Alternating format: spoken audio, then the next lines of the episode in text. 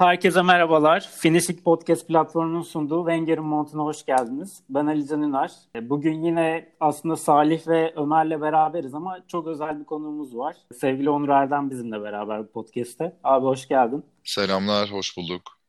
Ee, hoş Ömer, e, Salih size de hoş geldiniz. Hoş bulduk. Biraz papucunuz hoş atılacak bulduk. bu bölüm ama artık. Sağlık olsun. Ben patlayabilirim yayın ortasında. Bana söz kıs kıskanmayalım bu yayında. bir şekilde ilerleyelim.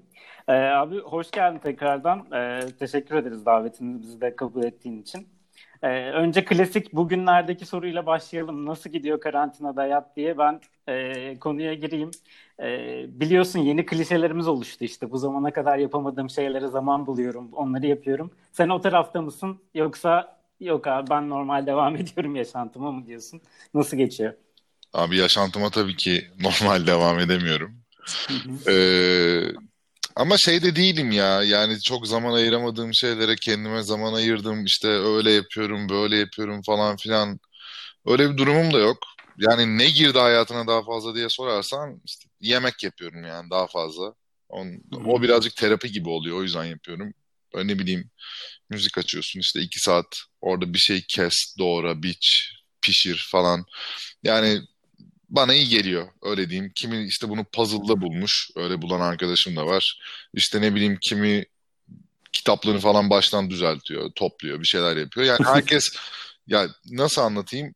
Abi günde çalışıyorsun sonuçta. Şu anda da çalışıyoruz eyvallah ama atıyorum benim işe giderken ve dönerken toplam iki saatlik bir boşluğum vardı gün içerisinde. Şimdi o boşluğu yolda geçirirken sürekli bir hareket halinde olunca çok farkına varmıyorsun da şimdi o mesela en basit örnek olarak bunu veriyorum. Abi o boşluk şu anda birebir olarak yüz yüzeyim yani ve evdeyim.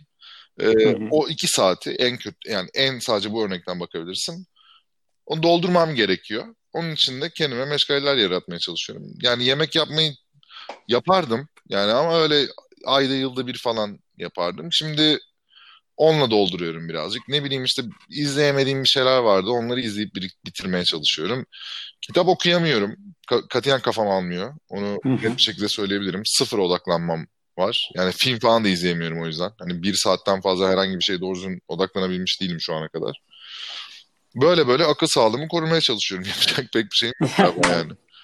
Ya evet benzer aslında. Herkes de benzer işte. Herkes de evden çalışmaya döndü. Yeni bir şeyler doldurmaya çalışıyoruz ama tabii sosyallik bir eksik bence burada. E, Çok tabii. ciddi bir eksik. Ha, en büyük eksiklik.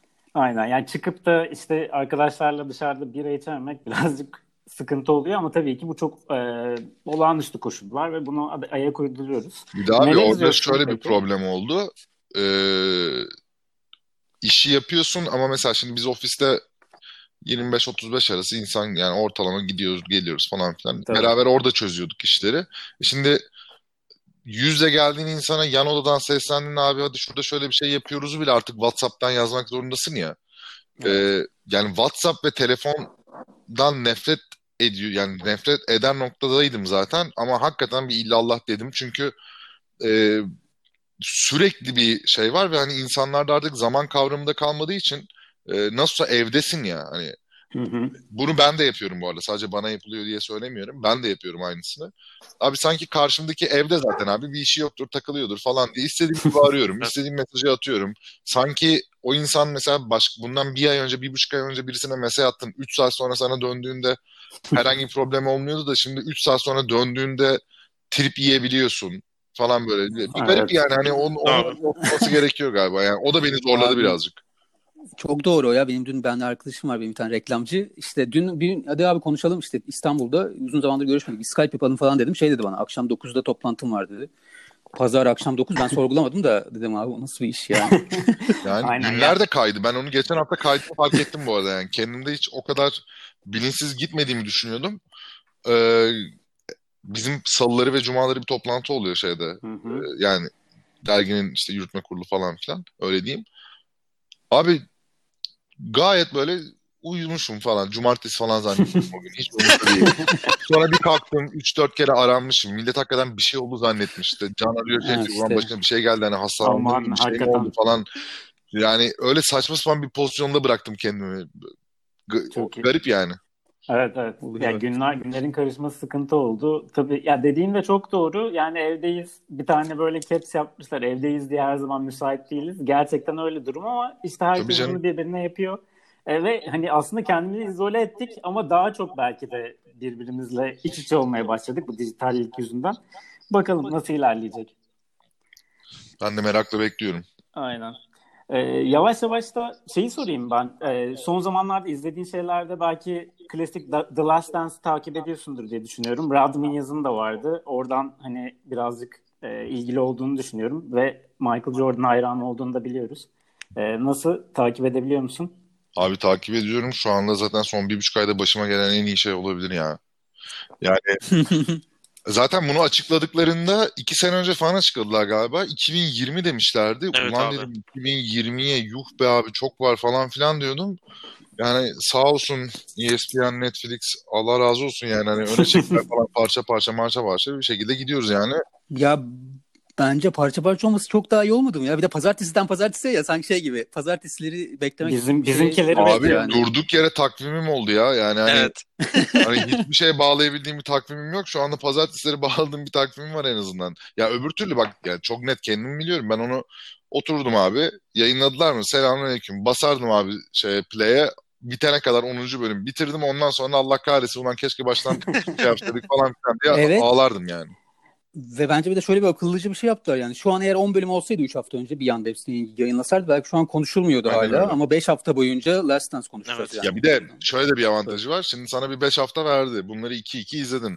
Abi tabii ki bu bittikten sonra hadi bir tur daha bir döndüreyim dedin. Bir 6. Evet, haftayı evet. da orada bağladın. Çok temiz bir buçuk ayımızı kapattılar. Çok güzel oldu ya. Çok güzel çok güzel. Bir de çok da konuşulacak şey çıkıyor. Salih sen de seversin. Kobe bölümleri geliyormuş şimdi. Baya bakalım nasıl olacak. Evet. Bugün yayınlanan da Kobe var işte. Evet. Bugünkünde. Yani ben, a, izlemedim ben daha. Akşam izleyeceğim ben de. Ee, gördüğüm kadarıyla ama Kobe 5. bölüm. Evet aynen, abi. Aynen. Hı-hı. Ben de öyle gördüm. Bakalım bir de Kukoç da bekliyorum ben ama bakalım ne zaman gelecek. Kukoç da var. Ben 5'i izledim 6'yı izlemedim. Ha, iyi spoiler. Güzel. Spoiler verme diyeceğim de şimdi alakası. Şeyi olimp, olimp, olimpiyatı kazanıyorlar abi. 92 olimpiyatı. İyi sürpriz olmuyor demek ki. Abi şöyle devam edelim. Ya birazcık da senden bahsedelim istiyoruz. Seni de yakalamışken. Ee, yani evet sen birçok programda zaten anlattın. Ee, Erman Yaşar'ın Yok Yok programında da kendini anlattın. İşte Mehmet Demirkol ve Fuat Aktay'la çok güzel iki programım var gerçekten. Yani çok bilgilendirici ve çok açık bir program. Ee, yani orada zaten bahsettin. Ben biraz da aynı e, şeyden yaklaşmaya çalışacağım. Yani zaten zamanında Fuat Aktay ve Demirkol'la beraber çok böyle ne desek o çağın ilerisinde bence bir iş yapılıyordu. Hani benim de ritüelim de her sabah izler, izlerdim öyle okula giderdim. Ee, orada da senin aslında editörlüğünde gerçekten bu yenilikçi medyaya yakın bir şeyler hala yapmaya devam ediyordun. Çünkü bloklar sendeydi bildiğim kadarıyla. Bloklar aslında o zamanlar Türk medyasına blok dediğinde hani bomba sanarlardı ama siz orada o şeye programı blokları sokmaya başlamıştınız. O program nasıl bir yer ediyor senin kariyerinde işte oradaki yenilikçi yaklaşımında? Birazcık belki hani ondan bahsedersin. Abi program Mehmet abinin fikriydi. Hı hı. Ee, ben NTV'ye ne zaman girdim? Temmuz'da girdim. Kanal açıldıktan iki ay sonra falan girdim herhalde. Hı hı. Ee, programa da Aralık sonunda falan başlamıştık. Mehmet abi zaten o programla beraber NTV Spor'a dahil oldu. Daha önceden NTV'nin yani NTV'nin içindeki spor servisi tarafında çalışıyordu. Oradaki programları falan vardı işte 90 dakika vesaire ama NTV Spor'daki ilk işi yanlış hatırlamıyorsam. Hı hı.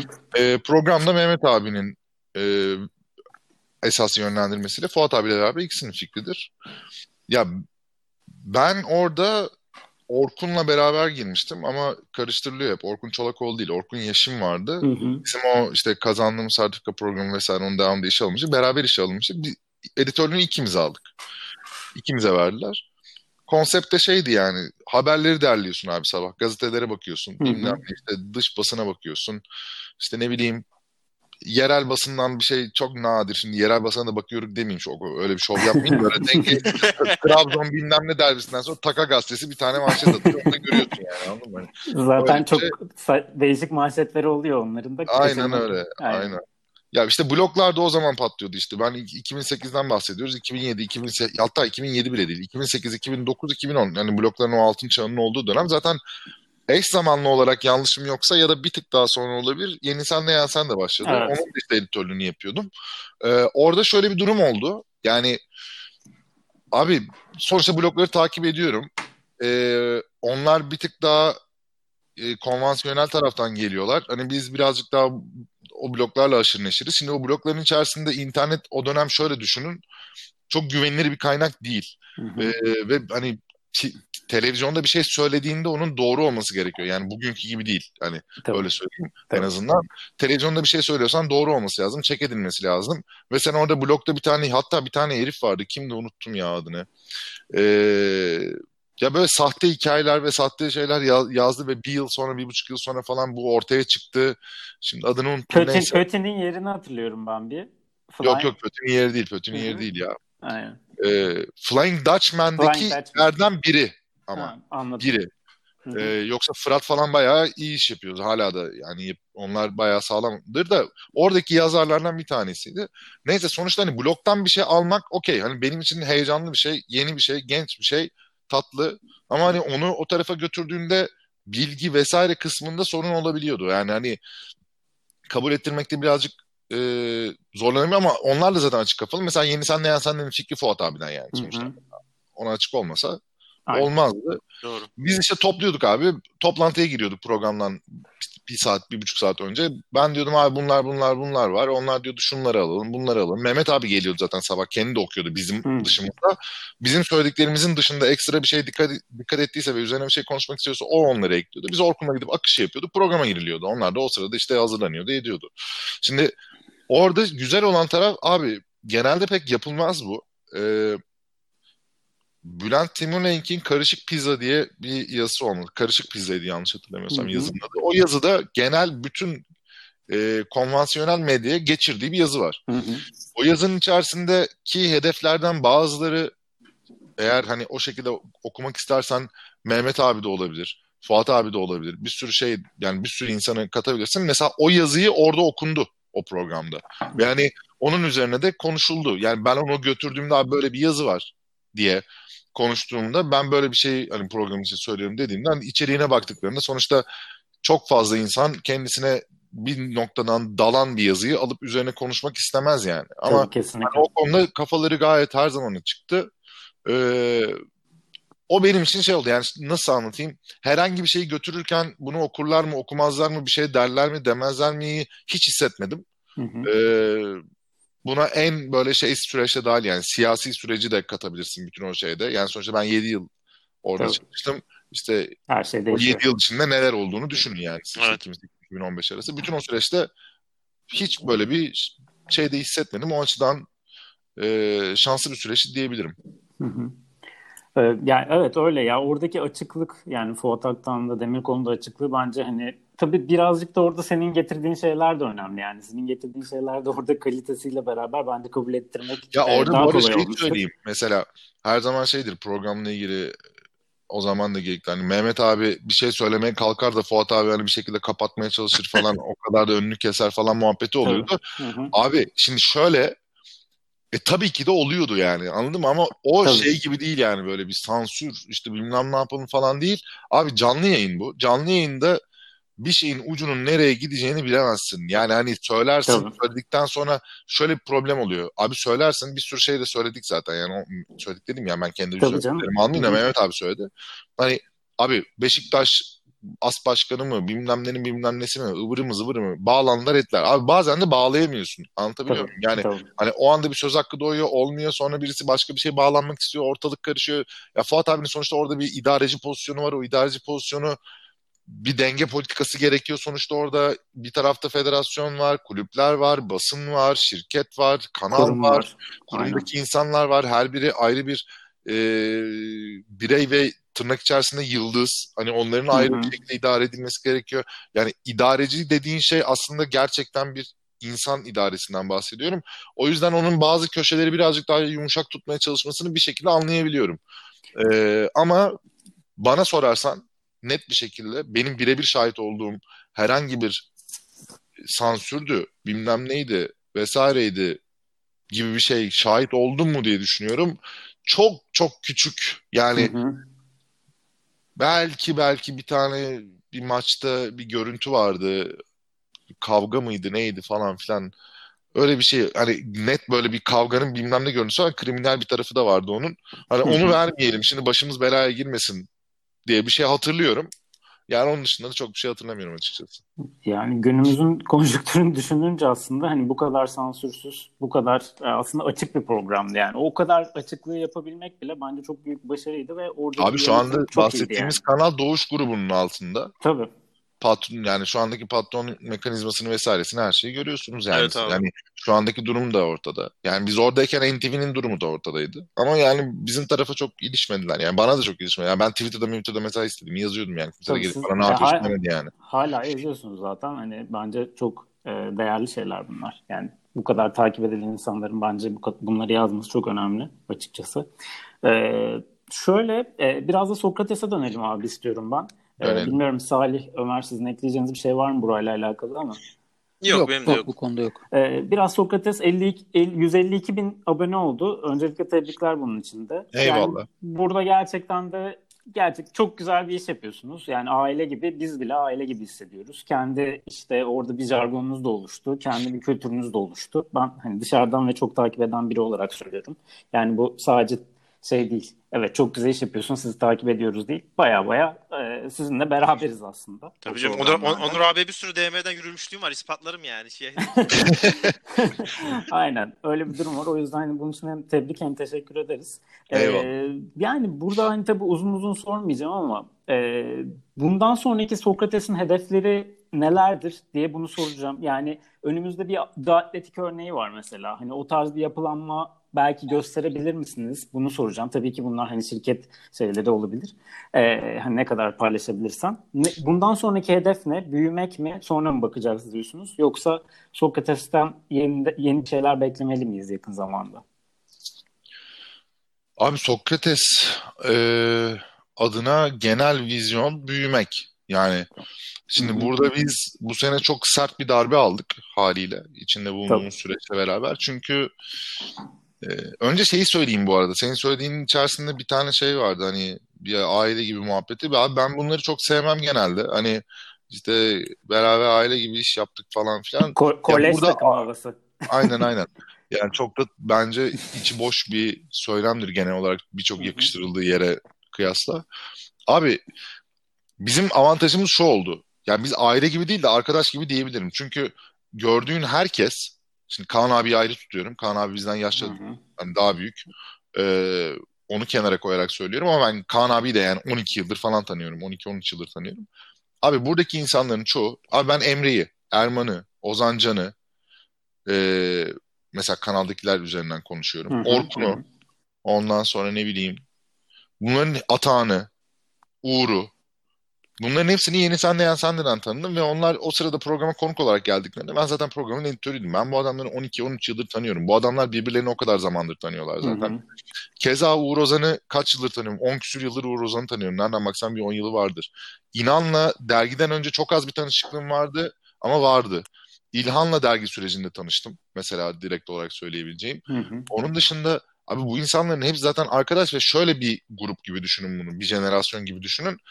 Abi e, bir şey yapılıyor da ya işte blok dönemini de bunun içine katabilirsin. Genel bakışın dışında ya böyle mi yapsak? Bak insanlar şunu yapıyorlar. Algıları bir tık daha açık. Algıların açık olmasının şöyle bir avantaj avantajları olduğundan da sebebi var. Abi internet e, erişiminin yükselmesi, içeriklerin artması. Ya 2000 yılında bir insana ben şeyden dolayı gömemem. Ulan senin Amerika'da olan bitenden ne yazıldığında haberin yok mu? Cümlesini Tabii. kurmam zor olur. Kaan abi şeyi anlatır mesela. Abi herif 90'ların başında mı ne Fransa'dan falan böyle harçlığının son şeyiyle VHS kaset getirip öyle izlediğim evet. şey, maçlarını falan Aynen. yani. Şimdi bizde böyle bir durum yok. E abi şöyle oldu, şu avantajı oldu. Dünyaya açıldın, yani dünya önüne açıldı. Açılan dünyadan bir şeylere bakıp görüp ilham almak isteyen insanlar varsa, bu hevesi olan insanlar varsa bunlara bir imkan doğdu. Blokların patladığı dönemin asıl kırılma anı budur. E şimdi yani. oradan çıkan çocuklar da konvansiyonele birazcık onun yani dışarıda ne yapılı yaptıklarını ne olup bittiğini, insanların olaylara yaklaşımının nasıl olduğunu gördüğünde ve dönüp buraya baktıklarında dediler ki baba biz ne yapıyoruz burada? Hı hı. Yani o, onlar da de başka türlü bir şeyin mümkün olabileceğine, ke- kendi istedikleri gibi, kendi sevdikleri gibi bir şeyin peşinden koşulabileceğine inanan bir jenerasyon gibi düşün bunu. Ve bu jenerasyon e, emek olarak da sömürülmüştür, para olarak da sömürülmüştür kariyerlerinin çok başında. Yani en azından kariyerlerinin ilk 7-8 yılı için herkesin söyleyebilirim bunu. Hı hı. E, doğru düzgün para kazanmamıştır. E, ucuza çalıştırılmıştır, kullanılmıştır. E, fazla fazla işte mesaisinden tut hakları yenmiştir etmiştir falan. Bunların herkes için söyleyebilirim şu andaki bizim jenerasyondaki. Bu insanlar ufak ufak ufak ufak şimdi bir yerlere geliyorlar. Bir işte kariyer ediniyorlar falan filan. Yavaş yavaş ama yani bunun, bu da yani nereden baksan minimum 10 yıl aldı. 10 artı yıl aldı yani bunların hepsi. O yüzden şimdi biz hep beraber o jenerasyondan başlayıp o darbeleri yiyip, o tokatları yiyip e, nihayetinde buraya gelen hepim yani genel bir şey açısından konuşuyorum. Beraber bir insan grubu olarak bizim birbirimizle ilişkimiz başka haliyle. Yani kalkıp şimdi o yüzden bizim e, Erman'la benim atıyorum ne bileyim e, tabii ki de ben Erman ve Ozan'la programdan önce bu kadar yakın değildim. Şu anda her gün konuşuyoruz mesela tamam ya Hı 3 hı. yıldır 4 yıldır her gün konuşuyorum ben bu adamlarla ama birbirimizi biliyoruz, tanıyoruz, kim olduğumuzu biliyoruz ve aramızda bir münasebet var. Şimdi oradaki rahatlık yansıyordur size Tabii. dışarıya. Hani. Erman'ın bana bir şey söylerken bozulmayacağımı bilmesi veya benim başka birine bir şey söylerken e, üst bir tondan konuşmadığımı bilmesi yani orada bir yatay bir hiyerarşi var. O yatay hiyerarşide de yani herkes birbirine olabildiğince. Abi elbette birbirimizin nazını, niyazını çekiyoruz. Elbette kavga ediyoruz. Elbette tadımız kaçıyor. Elbette küsüyoruz, ediyoruz bilmem ne oluyor da yani bu şey gibi düşün. Yani arkadaş arasında, arkadaş grubunda olabilecek bir şey gibi. Yani tanımadığın iş yerindeki bir insana küsersin. 3 ay konuşmazsın. İşime bakıyorum, yürüyorum dersin. Benim böyle bir lüksüm yok abi bu insanlarla. Veya onların da benle veya onların birbirleriyle böyle bir lüks yok. Biz arkadaşız yani. Yansıyan taraf budur muhtemelen. Kesinlikle. Aynen. Ya Ali Ali jargon dedi ya bence işte o herhalde önceden birbirinizi tanıyor olmanızın getirdiği bir şey. Yani Evet, evet. o yüzden Yani olmuş anlayabiliyorum. Mesela Erman başka birine bir şey söylese anlamayabilir onu ama ben onun ne demek istediğini anlıyorum. Yani ne bileyim işte onların parmaca, Ermanca diye bir şeyleri vardır işte. Ee, la- hani Londra Merkez London Merchandise falan işte böyle hani mesela çıkardan birisine söylesen anlamaz tamam ben artık hani onu dili söktüm falan hani bu ne diyor falan ona göre anlayabiliyorum böyle kendi aramızda yani o inside joke'lar tatlı şeyler güzel yani. Diğer Evet, evet. uzattım özür dilerim. Diğer tarafa ne Çok resmine bekliyor. Abi dergi olarak başladık. Dergi olarak başladıktan sonra Sokrates Almanya kuruldu. Sokrates Bistro kuruldu. Sokrates e, işte YouTube kuruldu. Sokrates Podcast kuruldu. E, böyle böyle böyle böyle. Ya aslında varmak istediğimiz nokta şu. Genel olarak soracak olursam ve ben ifade edersem. E, spor yayıncılığında bir referans olmaya çalışacağız. Yani en iyisi biz olacağız gibi bir asla bir şey söylemiyorum. Sadece hani bizim ne yaptığımız belli olur. Onu söyleyeyim en azından. Hani e, iyi olur, kötü olur bilmiyorum ama Sokrates dilini koruyarak ya sonuçta bizim dergide kullandığımız dille YouTube'daki yaptığımız programlardaki dil, oradaki ciddiyetle YouTube'daki rahatlık arasında uzay kadar fark var. Şimdi Tabii.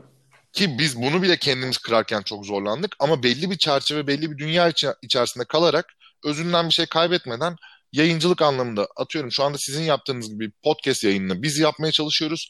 İşte podcast yayını yapma sebebimiz de abi dergim, dergimizi okuyan insan var. İşte ne bileyim akşam gelip televizyonda bilgisayarını açıp bizi izleyebilir. Abi bu adam okul, okuluna giderken, bu adam işine giderken, bu kadın evine dönerken bir podcast dinlemek isterse bunun da karşılığını vermeye çalışalım. Yani spor tarafında bizim sahiplendiğimiz alan spor sonuçta yayın yaptığımız alan. Bu alanın çerçevesinde kendi sevdiğimiz gibi kendimiz ne- neyi dinlerdik, neyi izlerdik, neyi okurduktan yola çıkarak bir şeyler üretmeye çalışıyoruz. Ee, bunu da yaymaya ve genişletmeye çalışacağız. Bu çemberi büyütmek, bu çemberin içerisine ne kadar insan alabilirsek o kadar e, mutlu olacağımız bir gelecek tahayyülümüz var. Ama işte bizim e, ana hedefimiz 2020 idi. E, böyle hedef 2020 falan gibi. Özellikle Man manidar. Euro 2020 çok yardımcı olacaktı değil mi abi herhalde bu şeyde? Elbette. Yani buna maddi de diyebilirsin, buna Tabii. manevi de diyebilirsin, kanalın statü atlaması da diyebilirsin. Ya çünkü şöyle söyleyeyim. Abi biz 2018 Şubat'ta başladık. 2018 Şubat'tan 2018 Haziran'a kadar bizim kanal beta yayını gibi bir şeydi yani. Evet, Abi biz Dünya. Kupası'yla beraber patladık yani. Patladık dediğim yani biz gerçekten kendi patladıktan kastım şu. Gerçekten yayın yapabilen bir mecraya dönüşebileceğimizi fark ettik. Çünkü orada 30 gün boyunca her gün canlı yayınlar, bilmem neler bir tarafta başka bir yerde bir iş yapılıyor, orada o yapılıyor, her gün canlı yayın yapılıyor, bilmem ne falan. Dedik ki ulan tamam hani olabileceğini o zaman düşündük. Orada bir kırılma oldu. O bizi bir üst basamağa attı. Abi ondan sonra kendi içeriklerimizi çeşitlendirmeye çalıştık. Geçen seneyle beraber işte sponsorladık hepsini neredeyse. İşte daha böyle e, farklı insanları dahil etmeye çalıştık. Farklı alanlara gitmeye çalıştık. Kimi oldu, kimi olmadı. O ayrı konu ama hani denedik, ettik falan bir yayıncılığı genişletmeye çalıştık. Düzenli yayıncılığı. Şimdi Euro 2020 bizim için şöyle bir anlama geliyordu. E, ki bazı anlaşmalar yapmıştık. Bu hem sponsor bazında hem Hı hı. aramıza yeni katılacak insanlar açısından e, kanalı gerçekten yani Sokrates'i marka olarak bir üst seviyeye çıkartacak şeyleri hani bunu inşallah öyle olurdu diyebileceğim bir durum değil. Hakikaten bazıları olmuştu çünkü yani anlaşmaları imzaları falan atılmış işlerden bahsediyorum. Ee, ki daha çoktan Aralık'tan Kasım'dan falan bahsediyorum yani. Biz bunu bekliyorduk ve buna hazırlanıyorduk. O arada bu darbeyi yemek bizi birazcık sersemletti. Ee, ama yani şu anda bir sorun yok bir şekilde. Yani sorundan kastım bir sürü sorunumuz var. Hani şu anda Tabii. stüdyo yaptık. Stüdyo bir iki ay kullanabildik. İki ay sonra kapattık. Şu anda boşta duruyor yani o stüdyo.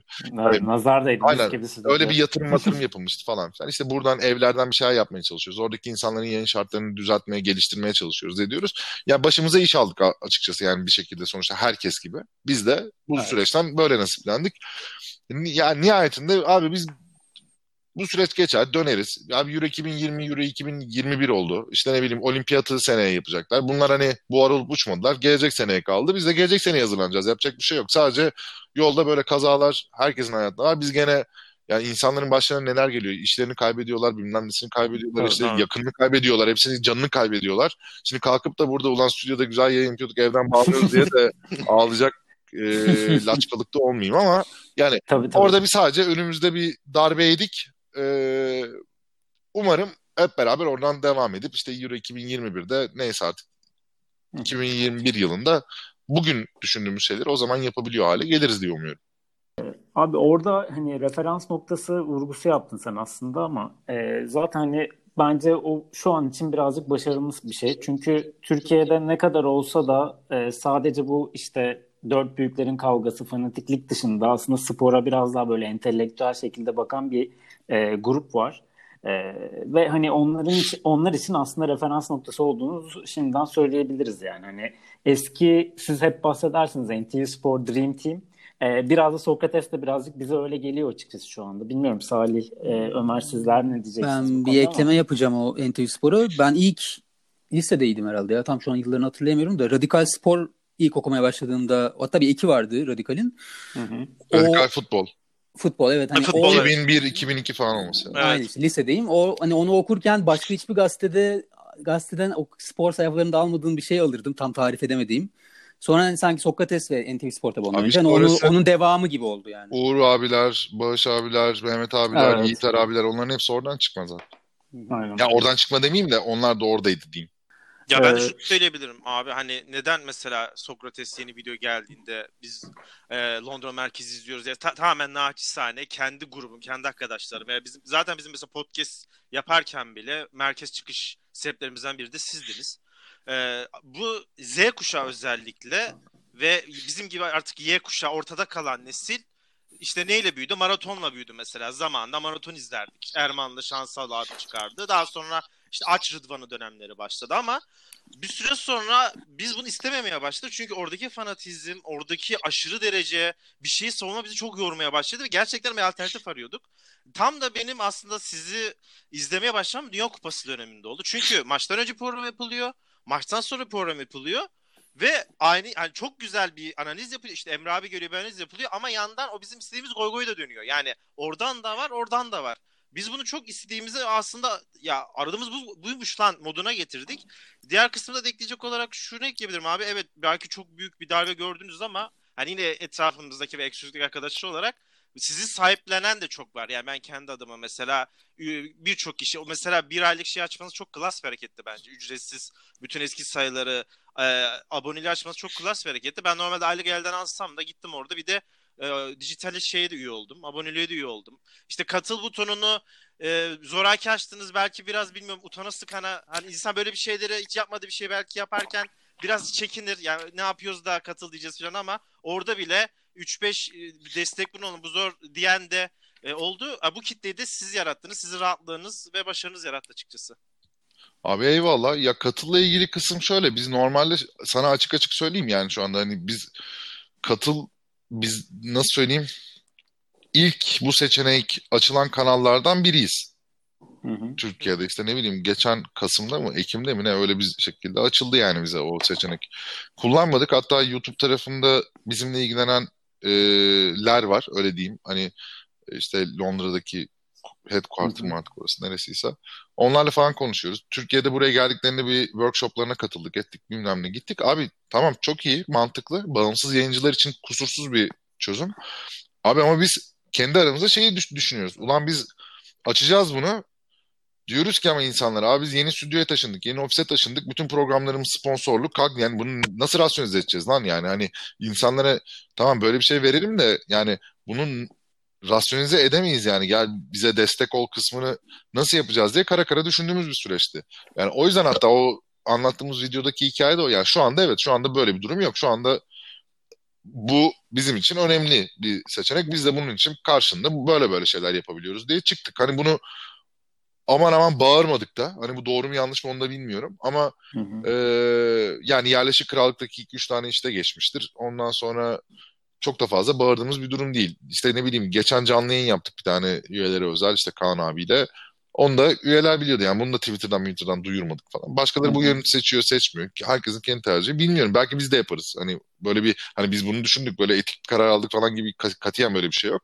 Yani yarın öbür gün biz de yapabiliriz ama hani o katıl tarafındaki kaygı ondan ibaretti aslında bir tarafta. Diğer yönden de ya bundan önceki jenerasyon için konuşayım. Abi izlerken ben o insanları nasıl söyleyeyim? Ya televizyonun şöyle bir problemi vardı. Sosyal medya ile beraber en büyük değişim bence orada yaşandı. Abi insanlar ekrandan başkalarının evlerine girip başkalarının hayatlarına müdahil olabilirken e, sen televizyondan izlediğin insana herhangi bir noktada hayatının dokunabilecek bir etkileşim yoktu yani. Yoktu. Aynen. Yapabileceğin en fazla şey televizyonun santralini açıp hoşuna giden bir şey varsa tebrik etmek, o insana sevgimi iletin demek. Şirkete bir tane belki kanala çiçek yollamak ya da sevmiyorsan da yine santrali arayıp küfretmekti. Yani ve bu insan duymuyordu bile. Yani bu fi, şey gibi işte fil dişi kuleden yukarıdan aşağı bakan e, birileri var abi televizyonda ve televizyon ünlüsü hakikaten çok kıymetli bir şeydir o yüzden. Çünkü dokunulmazdır. Evet. Dokunulmaz olduğu için yaldızlarının dökülüp dökülmediğini bilmezsin. O insanın gerçek mi yalan mı olduğunu bilmezsin. O ekranda ne görüyorsan odur. O yüzden yukarıdan bunlar seslendiği için bu bir noktada tanrı kompleksi yarattı bence. Yani hı hı. bu sadece işte bundan önce sinemacılar bilmem ne falan filan al bundan 50 yıl önceden geriye. Abi sen bu tanrı kompleksiyle beraber gelen jenerasyonu sosyal medya ile beraber bir çarpıştırdığında abi büyük bir kırılım yaşandı çünkü alışkın değiller abi. Yani Twitter açıyorlar. Tamam. Adam oradan diyor ki siktir git buradan diyor. tamam mı? Yani şimdi Aynen. Abi, Nevri dönüyor. Nasıl ya falan oluyor anladın mı yani? Hani bir Erol Büyükburç gibi hissedersin orada abi. Ben saçma falan dersin yani. Ne bileyim adam YouTube'a geliyor. Abi Beyazıt, Beyazıt Öztürk YouTube kanalı açtı. Yorumlar kapalı abi. Böyle saçmalık olur mu? tabii tabii. Aynen. Böyle saçmalık olabilir mi abi? Yani ne bileyim. Tezat yani aynen. Televizyonda üfürüyordun abi çıkıyordun. Fener'e bu gelecek, ona bu gelecek, buna bu gelecek. Şarlatan medya maymunluğu yapan tipler abi. Şu anda Twitter'da yazıyor. Ona bu gelecek, buna bu gelecek. Üç gün sonra bir bakıyorsun başka yere başka bir şey söylemiş. Adam bir alıyor iki gün içinde farklı bir şey söylüyor. Twitter'dan tak vuruyorlar abi suratına. Bazılarınki kötele. Onlar devam ediyor ama hani bu şartlarda bu kadar etkileşim içindeyken çok zor yani. Çok zor bu şekilde devam etmek hayatına. Bu kadar böyle cool, bu kadar dışarıdan, bu kadar yukarıdan bakarak iş yapmak bana çok mümkün gelmiyor yani. Ama hani bunun da bir sınırı var. Tamam mesela bak Londra merkez öz- özelinde şeyi söyleyeyim. Biz birazcık daha yani bizdeki şeydi böyle atıyorum ilk başta işte yüzde otuz goy goy yüzde yetmiş gerçekten konuşalım. Abi program kendi içerisinde tam tersi bir noktaya gitti.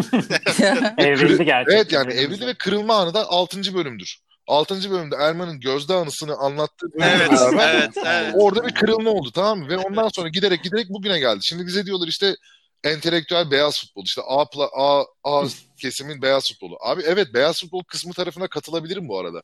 Tek problem var. Abi beyaz futboldakilerin hepsinin bir gizli ajandası var abi. O söylediklerinin arkasında hesap kitap var. Bizde bu yok. Hani bizdeki arkadaş sohbeti gibi laçkalık ve gevşeklik var. Öbürlerinde laçkalık ve gevşeklik var. Ee, ve şu da var. Bence en büyük problem de şu. Manipülasyon var yani. Abi sen benim atıyorum Premier Lig'le alakalı bir şey konuşuyorum tamam mı ben? Sen izleyici veya dinleyicisin. Beni görüyorsun, dinliyorsun. İçinden şunu dersen Ulan bu pezevenk bu konu hakkında hiç bok bilmiyor. Hiçbir şey bilmediği için de şu anda goygoya vuruyor bunu demem başka bir şey. Ulan bu adam bu konu hakkında aslında bilgi sahibi de böyle konuşmayı tercih ediyor demen çok başka bir şey. İkisi arasında ikisinin arasında çok büyük bir saygınlık farkı var ve hani o yüzden bazılarına baktığında başka türlü gelebiliyor. Bu arada ben de Premier Lig gurusu değilim. Ben futboldan söylüyorum ama ben futboldan anlamam. Ben izleyiciyim. Hani teknik taktik bilmem. Bil, yani bilen, bilen konuşsun diye Emre'yi koyduk zaten. Emre konuşuyor yani. Hani, abi Erman da böyle bir iddiası yok. Ozan Can'ın da böyle bir iddiası yok. Biz teknik taktik gurusuyuz falan diye. Abi ben iyi bir izleyiciyim. iyi bir takipçiyim. Oradaki hikayeleri hatırlarım. Onu hatırlarım. Belli insanlara veya belli takımlara karşı yüksekliğim vardır. Bunları izlerim, takip ederim ve buradan şey yaparım. Ben hiç zaman ben kalkıp da Abi burada böyle ya elbette bir taraftar gibi yani kahvedeki veya ekran başındaki herkes gibi ulan onu çıkarsana böyle oynanır mı? 3-5-2 çıkılır mı? 4-3 çıksana falan. Hani elbette ben bunları söyleyebilecek durumdayım ve söylüyorum da. Ama ben kendim bir futbol otoritesi olarak konumlandırmadım hiçbir zaman ama en azından şunu biliyorum yani izleyenler şunu hissetmiştir. Bende de Erman'da da Ozan'da da Abi bu adamlar konuşuyorlardı. Ulan bunlar sadece Arsenal Arsenal izlemiyor. Galiba bu herifler Burnley Burnley maçını da izliyor. Zaten Erman anlatıyor. Hani Evet. Erman zaten Evet. eşek gibi izleyecek yani. Onu yapacak bir şey yok da. Abi ulan bu adamlar Brighton Brighton onlara da hakim oradaki topçuları mopçuları biliyorlar. Herhalde izliyor bu herifler ya. Yani bilmedikleri bir konu hakkında konuşmuyor. İyi verdik diye umuyorum. Hani o yüzden de goy goyumuz şu anda hoş karşılanıyor. Yoksa abi üçümüzü şu anda Bundesliga üzerine goy goy yaptırmaya çalışıyor. Rezil oluruz yani. tabii tabii. Ya bence dediğinde çok kilit bir nokta var bu arada. Şey hani sen bilmene rağmen kendini aşırı ciddiye almayıp bu işi yapıyorsun. Hem biraz goy goya vuruyorsun ama öbür taraftan bahsettiğim programlar bilmemesine rağmen kendisini aşırı ciddiye alıp o goy goyu devam ettiriyor. Abi zaten Bence en büyük bir problemi şu yani. şu anda medyadaki insanların. Abi insanlar kendini hakikaten çok ciddiye alıyorlar. Yani herkesten bahsetmiyorum sonuçta da yani gördüğün o kötü örneklerin çoğu da aynı şey geçerli. Kendi söylediği Allah kelamı gibi, kendi söylediği işte her işte doğruymuş gibi ne bileyim sürekli bir etki karşıdan hep doğru evet abi bravo abi aferin abi şak şakçı bulması gerekiyormuş gibi. Yani bu kadar ciddi almaya gerek yok abi sonuçta yani nihayetinde benim çıktığım programın olma sebebi İngiltere'de 20 tane takımda her hafta 10 tane maç oynanıyor. Adamlar çıkıp 90 dakika top oynuyorlar. Biri yeniyor, biri yeniliyor. Bazı maç berabere bitiyor. Birileri gol atıyor, birileri gol yiyor. Ben bu, bu bir sektör ve bu bir endüstri ve ben bunun üzerine konuşuyorum. Bu kadar. Aynen. Yani Aynen, bunun şeyden bir farkı yok yani. Nasıl söyleyeyim? Aklıma da şu anda ne geliyor? Yani abi sinema sektörü içinde aynı şey geçerli. Hadi onlar birazcık daha sanat. Oradaki başka bir yaratıcı bir taraf var yani bu işin de. O tarafa gi- ben girmeyeyim de. Yani iş bu ya. Yani birileri bir şey yapıyor. Sen de onu yorumluyorsun abi. Yani işi de yapmıyorsun bir de. İşi yapan da Evet, sen evet. değilsin. Sen aktarıcısın. Yani medyanın rolü, medyanın herhangi bir tarafının rolü aktarmaktır. İletmektir. Yani bir mecra olmak ve bir yerde başka ya bu habercilik işine geçer ya atıyorum. Ekonomi haberi yapan adam da aynısını yapar. Piyasalarda bir şey olur. Bunu alır halka anlatır. Der ki bunu daha basite indirger. Olan olayı basit bir şekilde herkesin anlayabileceği şekilde sokmaya çalışır. Kimi onun daha ilgilisine daha derin bir şeyler anlatır ama yaptığın iş özetle ya, bir iş yapıldığı için alıp onu bir şeye bir yere iletmektir. Bunu nasıl yaptığın ve ne şekilde yaptığın senin iyiliğin ya da kötülüğü belirtir. Ama dünyadaki herhangi bir iş olmasa, dünyada herhangi birisi herhangi bir iş yapmıyor olsa medya diye bir şey de olmayabilirdi yani. Hani spor diye bir şey olmasa, birileri top oynamasa, birileri tenis oynamasa, birileri koşmasa, birileri yüzmese, spor medyası diye bir şey olmayacaktı. O yüzden hani ana aktör evet olabilirsin. Yönlendirdiği çok şey vardır. Ne bileyim doğru yere kanalize etmek, o sporu da sporcuyu da yükseltmek, büyütmek. Fransa'da işte atıyorum işte Tour de France'ı çıkartan da bir basın kuruluştur sonuçta yani. İşte ne bileyim bunu taşımak da medyanın görevidir ama bu kadar ciddiye alınacak bir şey yok abi. Yani alacaksa ciddiye gitsin Lionel Messi alsın yani. Doğru. Aynen. Zaten şimdi sporda yok dediğin gibi mesela hiç olmadığı için e, hadi yani dergi dergicilik başka bir şey. Yani Sokrates olarak mesela sonuçta yüzde yüz hatta yüzde sıfır gündem yapıp yüzde yüz tamamen derginin her şeyini geçmişe gö- göre yani yapabilirsiniz ama mesela de, gazeteler günlük gazeteler inanılmaz sıkıntıda şu an. O kadar belli ki yani spor sayfaları falan saçmalıklarla. Ne yazacaksın abi? Ne yazacaksın? ama çıkmak zorunda işte en azından birkaç sayfaya ayırmak Aynen zorunda. öyle. Tabii, aynen. Doğru. Ee, buradan yavaş yavaş aslında şeye bağlayabiliriz. Yani birazcık Premier Lig'e bakalım Londra merkezi bulmuşken burada. Ee, birazcık da Premier Lig'e bağlayalım. İki ay sonra ee... ilk kez Premier konuşacağım. Hadi bakalım. Evet, birazcık bu heyecandan faydalanalım. Olur olur. Ee, ş- şöyle abi bir skandalla başlamak istiyorum. Birazcık çalışıyorduk tabii sana e, program öncesi. Bloğuna da girdim. Çok keyifli bloğum var bu arada. Yani tam e, benim kafamdaymış. Oğlum ben bloğu 8 yıldır bir şey yazdım. Bazı yazdığım dönüp baktım da utanıyorum öyle şeyler. yok yok görseller falan şeyler güzel güzel. Görseller falan güzel. Listeler Ulan şiir falan yazmışım. Onlar falan duruyor. Yer orası. Ben bu kapatmaya çalıştım beceremedim. Onları okumadan geçtim. Abi linkini linkini Yapmayın beyler. Yok ama asıl skandal şu. Bloğunun tepesinde Forever Blowing Bubbles yazıyor. Yazıyor. Ve sen bir Arsenal'lısın. Aynen. bunu bunu nasıl açıklayacaksın bilmiyorum Arsenal'lara ama böyle bir şey getireyim dedim gündeme. Bilmiyorum. West Ham sevgini itiraf edebilirsin belki programda. Ya West Ham sevgim şöyle. West Ham şey şeyin adı neydi ya? Kafam durdu. Green Street Hooligans. Green Street Hooligans'ı izledik, izlemiştim. Ya Ogan benim en yakın arkadaşım. O şimdi İngiltere'de yaşıyor hatta. O mesela West Ham taraftarıdır orada. Ee, abi şarkı ya müziği çok seviyorum. Sporu çok seviyorum. Ee, ve öyle bir şeyin içe geçmiş olması böyle ritüel hani o balonlar malonlar falan filan Hı-hı. çok etkileyici bir şey. Bunun için çok West Ham taraftarı olmama gerek yok ve yani I'm Forever Blowing Bubbles bir isim bir header olarak da yani hani atıyorum şey gibi bu Twitter'da ilk girdiğinde ne yapıyorsun falan gibi bir şey yazıyordu yani ona cevap. yani I'm, for, I'm Forever Blowing Bubbles yani birisi geldiğinde o bloğa baktığında kim lan bu dediğinde kim bu dediği kişi yukarıda demiş ki işte sürekli ciklet çiğniyorum, balon patlatıyorum falan. Hani, hani öyle bir şey yani basit, rahat bir şekilde ifade edebilecek bir şeymiş gibi geldi. Şarkıyı da çok seviyorum. Çok güzel. Yani o kesişim, kesişim kümeleri beni her zaman şey yaptı yani. Mesela e, şey e, Sweet Caroline çalıyor mesela şeyde de Emirates'te de işte Diamond'ın falan. Abi işte bu sene gitme fırsatı buldum. E, bu şey öncesinde e, hayatımda ilk kez. Daha önce gidecektim. Çok kötü şeyler geldi başıma. Gidemedim. Ee, abi mesela statta o şarkı çaldığında inanılmaz mutlu oldum ya. Yani ve böyle hakikaten iyi hissettim. Hak, benim sorarsan hani hayatta en sevdiğin şey ilgilenmekten, uğraşmaktan veya vakit harcamaktan. Abi müzik severim, spor severim. Yani bu ikisi bir araya geldiği noktalar ben o I'm Forever Blowing Bubbles'da büyük ihtimalle ondan etkilemiştir yani. 2-0'lık maç değil mi abi dediğin? Abi işte Chelsea maçına gittim önce. İkisi... Koydular bize. Ondan sonra United tamam. maçını izledim. Tamam tamam. Yine ikisi aynen. Hmm. Aynen. Abi tribünleri nasıl buldun? Geçen sene ben de hani Hasbel kadar bir Emirates'e gitme fırsatı buldum ama çok turistik geldi bana. Yani böyle bir şey e, bir hava yoktu gibi geldi. Ama şey olayı çok etkileyici. Yani o maç öncesi dediğin gibi çıkış, müziğin verilişi, oradaki yaptıkları brandingler falan gerçekten tüylerim diken diken oldu. Ee, ki Arsenal'ı da tutmuyorum aslında ama sen genel havayı nasıl buldun Arsenal stadında ve çevresinde? Neler hissettin maç günü?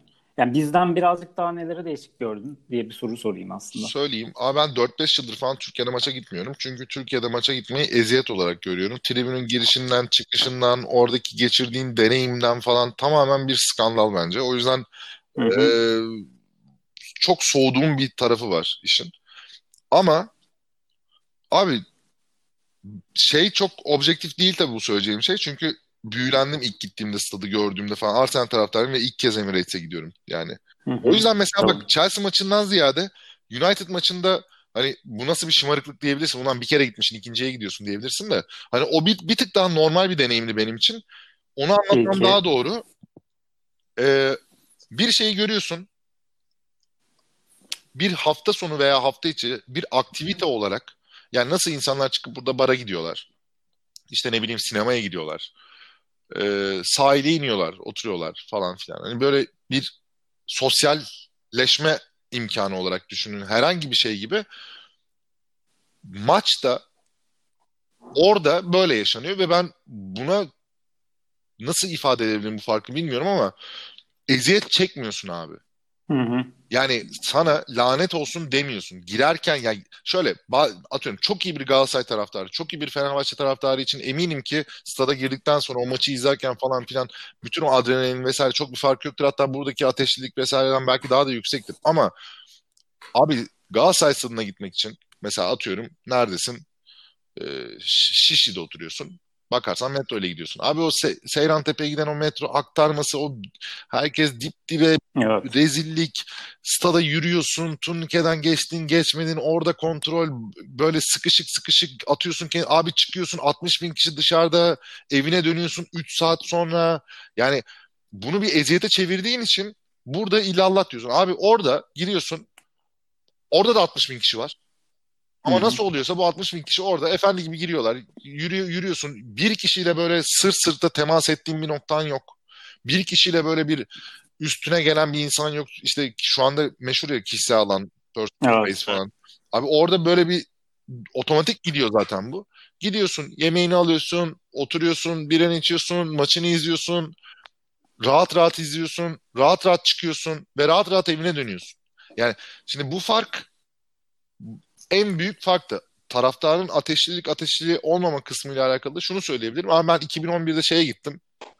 Ee, gittiğim ilk maçtı zaten yurt dışında. Barcelona Real Madrid maçına gittim. Süper Kupa maçına gittim. Ee, ilk maçı da Madrid'deydim. Önce Madrid'e gitmiştik. Öyle bir seyahat yapmıştık. Ee, orada stada giremedik. Stadın yanında marka kafe vardı. Orada izlemiştik. Dönüşü şeyde izledik. Non Camp'ta izledik.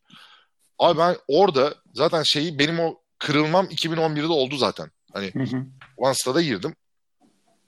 Barcelona Real Madrid Süper Kupa final rövanş maçı.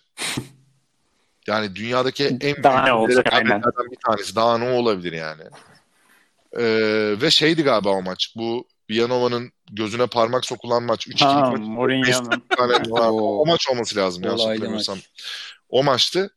Abi ben oturuyorum. Barcelona tribünündeyim.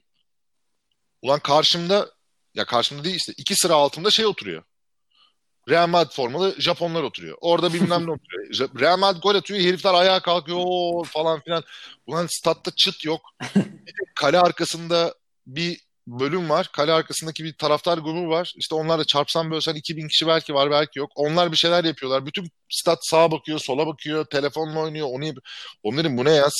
Şey gibi yani tiyatro şey diyeceğim tiyatroda da sahneye bakarsın yani. Oyunu izlersin pür dikkat bir şey yapmaya kalktın yani ne bileyim tiyatroda böyle cips yemeye kalktın öldürürler adam yani. Hani ondan bile saçma bir noktada olduğunu görünce ve olayın tamamen turistik bir şeye evrildiğini gördüğümde ben de o şey kırıldı. Tamam lan hani burada şey demeyeceğim hani ee, hani emperyalist düzen işte kıvıra girmeyeceğim de endüstriyel falan girmeyeceğim yani de şeyi görüyorsun yani orada başka bir boyuta geçmiş öyle diyeyim. Aynen. Bunu Aynen. iyi ya da kötü demiyorum. Bunun iyi bir sürü de tarafı var sonuçta. Hani o kulüplerin büyümesi, bu ekonominin büyümesi, bu sektörün büyümesi anlamında. Tabii bunlar avantaj bir taraftan. Ama diğer taraftan da hani o aradığın o e, vahşi taraf bayağı bir törpülenmiş. Elbette bundan 20 sene önce böyle değildir muhtemelen. Bu kadar şey değildir. Hala da hala bugün bile benzer şeyleri yine koruyan da vardır. Ama İngiltere'de benim gördüğüm örneklerde işte Arsenal stadına gittim. Öyle çok büyük bir şey yok. Ama eğlenceli mi? Eğlenceli. Bir aktivite olarak gitmek ister miyim? Londra'da yaşıyor olsam Arsenal, ilk, al, ilk yapacağım şey Arsenal kombinesi almaktı ve Arsenal taraftarı olduğum için değil bu arada. Hafta sonu güzel geçiririm abi. Güzel top oynanıyor. Gidiyorsun. Efendi gibi izliyorsun. Aynen, gibi. Ekran var ya.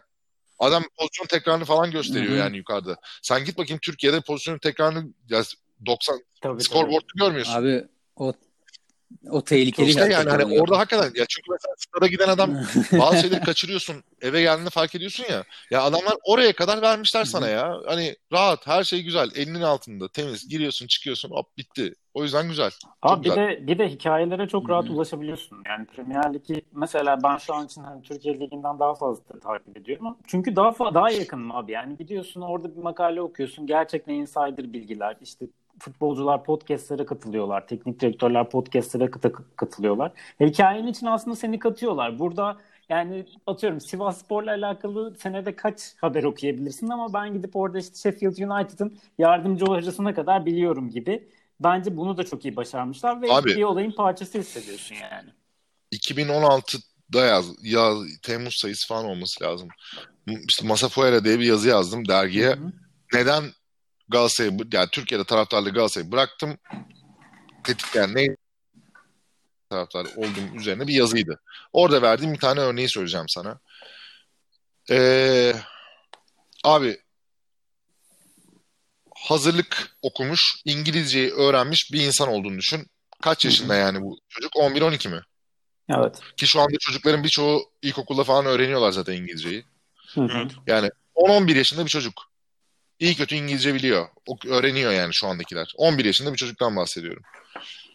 Bugün 11 yaşında bir çocuk Galatasaray taraftarı olsa ve İzmir'de otursa, İzmir'de Hı yaşasa, hı. Galatasaray'ı senede bir kere görebilir. Göztepe maçına geldiğinde. O da bilet bulabilirse görebilir. Onu da gidip e, Göztepe tribünde izlemek zorunda kalır. Ne o heyecanını yaşayabilir ne bir şey. Geçtim. Tabii. Bu çocuğun Galatasaray'la ilgili okuyabileceği, öğrenebileceği neler var? Son bir senedir bir şeyler üretiyorlar. Onları geçtim bu arada. Son bir senedir YouTube kanalıyla beraber Galatasaray, Fenerbahçe, Beşiktaş daha aktifler. Çok Ben bunu yazma değillerdi. Ama yani gene tabii arkaik diğerlerine göre de. Abi futbolcu tanıyor musun? Tanımıyorsun. Konuşuyorlar mı? Röportaj veriyorlar mı herhangi bir yere? Vermiyorlar. Ekrana çıkıyorlar mı? Maç sonunda doğru düzgün konuşuyor mu bu herifler? Konuşmuyorlar. Klişe cümlelerle konuşuyorlar konuşsalar. Klişe cümleler konuşuyorlar. Bu adamların herhangi bir ilgi alanı, bir, bir, bir şey var mı? Biliyor musun? Bilmiyorsun. Terse çeviriyorum. 11 yaşında çocuk. Arsenal.com'a girdi. Ee, o zaman şey vardı. Euro 2000, tabii Euro 2016 vardı. Euro 2016 sırasında o sırada son bir haftaki multimedya şeylerine bakmıştım. Rakamları hatırlamıyorum da 3 aşağı 5 yukarı şöyle bir şeyden bahsediyorum. Arsenal sitesinde Arsenal'li futbolcularla ilgili e, son bir haftada yüklenmiş 9 tane video içerik vardı. Galatasaray'da en son yüklenen içerik ben 2016 Temmuz'da baktığımda 2015 şampiyonluk videosuydu. Multimedya içerik. Hı hı. Ve diğer tarafta şu vardı. Ben Arsenal taraftarı bir yani Arsenal'le ilgi duyan bir çocuk olduğumu düşün. Ama ben girdiğimde şunu görüyorum. Takımdaki en geri plandaki adamlardan biri Carl Jenkins'ın. Hı hı. Ama videoları izliyorum. Videoları izlediğimde Carl Jenkins'ın aslında Alex Oxlade-Chamberlain'in pampası olduğunu görüyorum. O zaman sövdüğüm kaleci Şezni'nin aslında ne kadar komik bir herif olduğunu izliyorum. Adam tavayla arkadaşlarıyla masa tenisi oynamaya çalışıyor. Onun videosu var. Öbür tarafta Jenkins'ınla e, Oxlade-Chamberlain'le beraber birbirlerine katan bir videosu yapılınca komikler ve rahatlar. Ve Evet. biri işte ne bileyim Gabriel Paulista ile konuşuyorlar. Herif diyor ki Mertez Aker galiba röportajı yapıyor. Şey diyor Paulista'ya. En son okuduğun kitap Paul, Gabriel Paulista diyor ki ben hayatımda galiba hiç kitap okumadım falan. Ulan ayıya bak. Ondan sonra ne bileyim öbürü başka bir şey söylüyor. Adamları tanıyorum abi. Adamları tanıyorum ve sahanın dışında nasıl insanlar olduğunu biliyorum. O yüzden de takımın belki de en çok sövdüğüm, en çok şey yaptığım adamlarından Şezni'yi mesela ben severim. Şezni'yi sevmemin sebeplerinden biri budur. Ne bileyim Carl Jenkins'ını ben severim. Carl Jenkins'ın mm, şu anda bir hiç yani aslına bakarsan. Evet. Ama hani o adamı seviyorsun. O adamı tanıyorsun. Takımdakileri tanıyorsun ve yakınlık kuruyorsun. Bağ kuruyorsun. Ne bileyim senin sevdiğin şarkıcıyı dinliyor olabilir. Ya abi şey yaptılar ya Liverpool'un YouTube kanalında Rap Battle var. Rap Battle'da Joe Gomez, Alex Oxlade-Chamberlain, Van Dijk, eee, kimdi diğeri? Firmino galiba. Dördü abi çıkıyorlar bir şarkı çalıyor hangi rapper bunun şeyi falan filan onu bilmeye çalışıyorlar. İşte bir Çok iyi. test çözüyorlar. 25 dakikalık falan bir video ve o kadar komik ki. Yani abi ben o videoyu izledikten sonra Liverpool'lu bir futbolcu ben kendi adıma söylüyorum. Ben nefret edemem abi Arsenal taraftarı olarak. Kesinlikle. Ya ben oradan şey olarak ayrılıyorum. Ulan hani Oxlade'i sev hani kızgınsın diyelim sallıyorum hadi Arsenal'den gitti falan. Abi onu izliyorsun o kadar bir nefretle bağlanmazsın bu adama. Ya hepsini geçtim. Guardian'da işte Davi Proper röportajı çıkıyor. Hı hı. Yani ne bileyim Pascal Gross'un bilmem nesi çıkıyor başka bir yerde. İşte ne bileyim Burnley'de Chris Wood'dan bir alıntı çıkıyor. Ya Troy Deeney'nin işte ne kadar boktan bir geçmişten geldiğini görüyorsun. İşte Jamie Ward daha şampiyon olmadan önce iki sene önce bilmem nerede oynadığını görüyorsun. Birileri yazıyor, birileri çiziyor. Abi bana burada Gençler Birliği'ndeki aklıma bile gelmiyor. Kande yaş mı var mesela? O, orada mıydı o? Yok Alanya'da mı o? Alanya'da. Evet. Alanya'da. Alanya'da olsun hadi. Öyle diyeyim. Kendimi de bozmayayım. Kandeyaş dedim. Abi Kandeyaş kimdir ya? Herhangi fikrin var mı? Yok. Herhangi bir yazı yazıldı mı bu herif üzerine? Kim olduğu ile ilgili bu adamla konuşuldu mu? Bu adamla röportaj yapıldı mı? Bu ülkede her gün 60 tane de gazete çıkıyor abi. Aynen. Buradaki heriflerden bir tanesi gitmiş bu, ha, bu arada çıkıyor şimdi şurada da demeyeyim abi deplasmana ya adama uçak biletini alacak paraları da yoktur muhtemelen o yüzden göndermiyorlardır da ya İstanbul'a geldi bu adamlar gittim bir tanesi ulan bu adamları tanıyor musun? Ya Perry Jones var şeyde Bursa Spor'da oynuyor basketbol. Hı-hı. Perry Jones oynamış Oklahoma City Thunder'da Kevin Durant'la Russell Westbrook'la. Konuştu mu abi kimse? Yok. Gittiniz mi? Baktınız mı? Muhabbet ettiniz mi? Yok. Ondan sonra yayıncı kuruluşu var abi bu ülkenin basketbol liginin. Ne yaptınız? Ondan sonra Bursa Spor maçları işte bilmem nenin maçları izlenmiyor. Niye izlensin abi? Niye izlensin yani? Aynen. Şu anda o yüzden özetle çok uzattım. Diyeceğim şu. 11 yaşında dil bilen, dünyaya açık, başka yerlere girip çıkmayı bilen, Galatasaray Orga girme imkanıyla Arsen.com'a girme imkanı aynı olan bir çocuk için Arsenal kusura bakmasın kimse çok daha ulaşılabilir bir yer ya. Aynen öyle. Aynen daha ulaşılabilir bir yer. Aynen öyle. Abi 11 yaşındaki çocuk demişken buradan birazcık Arsenal'a bağlayalım. Ee, senin Arsenal'la nasıl tanıştın, nasıl Arsenal oldun onu birazcık e, bize birazcık paylaşırsan iyi olur. Yani bu Arsene Wenger'le mi başladı yoksa işte o Arsenal'in sıkıcı zamanlarını boring boring Arsenal diye karşı takımın takıldığı zamanları da hiç biliyor musun? Nasıl başladı Arsenal? Yok abi nereden bileceğim onları? 84'lüyüm ben. İşte Tabii. Michael Thomas falan filan bir 89 yani oralarda bir şampiyonluk vesaire ben hiç oralarda yoktum yani. Ben Bergkamp ya ben adam tuttum adamdan sonra takım tuttum öyle söyleyeyim yani. Ha öyle. Evet ya benim hayatta hala ve hala en sevdiğim ilk en sevdiğim diyeyim. ilk en sevdiğim iki futbolcu Bergkamp ve Batistuta'ydı. Sonra bunlara Hani'yi ekleyebilirsin. Daha da vardır yani ekleyebilecek isimler de yani özellikle Bergkamp ve Batistuta'nın o açıdan bende yeri ayrıdır. Ee, abi ben Bergkamp seviyordum. Bergkamp da Arsenal'de oynuyordu. Bu kadar basit aslında yani. Çok temiz. Yani işte ne bileyim Batista'yı aşırı seviyordum. Batista'yı çok sevdiğim için Fiorentina'yı da seviyordum mesela. Öyle düşünebilirsin. Peki milli takımlarda milli takımlarda Hollanda mı? Arjantin, Arjantin Hollanda. Arjantin yani Hollanda her çok, zaman. Çok benzermişiz ya. Peki böyle anlık bir tek hani... şeyi, bir tek şeyi söyleyeyim. Pardon. Ee, bir tek Euro 2000'de e, şey Euro 2000'de diyorum ya pardon. Ha. Bir tek Dünya Kupası'nda 2006 Dünya Kupası'nda ne Arjantin'i ne şeyi tutuyordum. Hollanda'yı direkt başından itibaren İtalya'yı tutuyordum ayı gibi. Vay, mutlu sana, ee, mutlu onlara onlara bu fon yani. Hani onlara çok bu fon etkisi var. Yani 2000 deseydin çok şaşıracaktım. 2000 Hollanda'sı çok iyiydi. Ya şey ben de mesela Bergkamp'la Arsenal oldum. Hatta ama benim Arsenal forması değildi. Fransa 98'de galiba asıl Bergkamp manyaklığım başlamıştı ama bilmiyorum seni tabii. Benim de öyle ya. Tabii tabii. Hmm. Yarı, yarı, yarı, fin, yarı finale giden takım. Evet. Abi orada işte Arjantin attı efsane gol vardır falan. İşte Aynen. 98 kupasında inanılmazdı ya. Hı hı. Aynen. Ee, peki nasıl görüyorsun Arsenal'ı? Yani şimdi Wenger dönemini atlattık. Hani oraya çok da inmeye gerek yok. Yani acısıyla tatlısıyla bitti. Ee, Emery böyle bir e, kabus yaşandı gibi diyelim. Arteta'yı nasıl görüyorsun? Umut, umutların nasıl? Tam da aslında Arteta yoluna sokmuştu. Son 5 maçta, son 8 maçta galiba yenilmemişti Arsenal. Ee, son üçünü kazanmıştı. Tam böyle yoluna tutuyordu hoca ama bir anda böyle korona işi patladı. Sen nasıl görüyorsun Arsenal'ın geleceğini? Ya hoca yeni hoca yenilmemişti de yani şöyle diyeyim bazen e, nasıl anlatayım onu?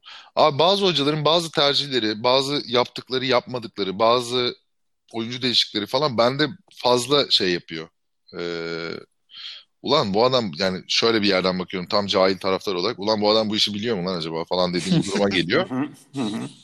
Ee, Arteta'dan hem çok iyi aldım bazı şeyleri bir kere hani oyuncularla iletişimi, kenardaki hali tavrı, açıklamaları, konuşmaları. Özellikle Emery'den sonra. E, ta, ya, özellikle Emery'den sonra tabii ki özellikle Emery'den sonra. Hani çok başka geliyor.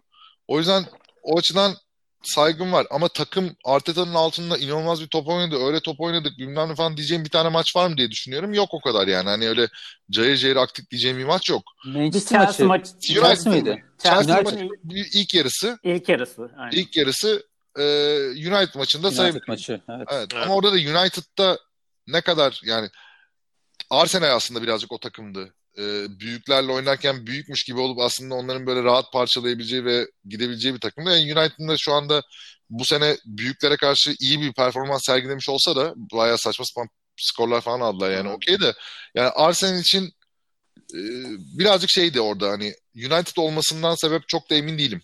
Hı hı. o tarafın doğru mu yani oradan almanın. Ama Arteta'yı bilmiyorum abi. Ölçebilecek bir tarafım yok. Şu anda olumlu mu dersen hislerin biraz daha olumlu. Öyle gider umarım.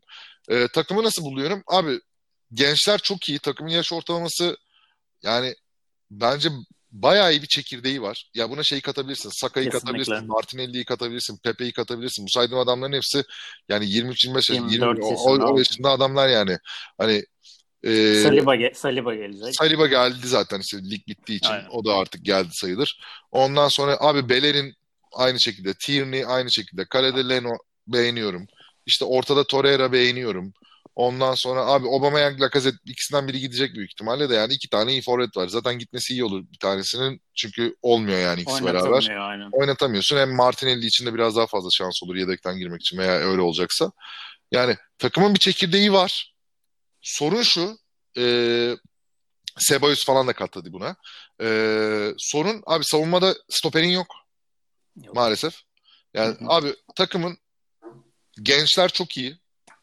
Potansiyelli. Mesela Saka'nın ben böyle bir çıkış yapacağını falan tahmin etmiyordum ama yani ne kadar veri dersen çok cahilce bir yerden daha geleyim sana. Şimdi CM 0102 oynuyorum.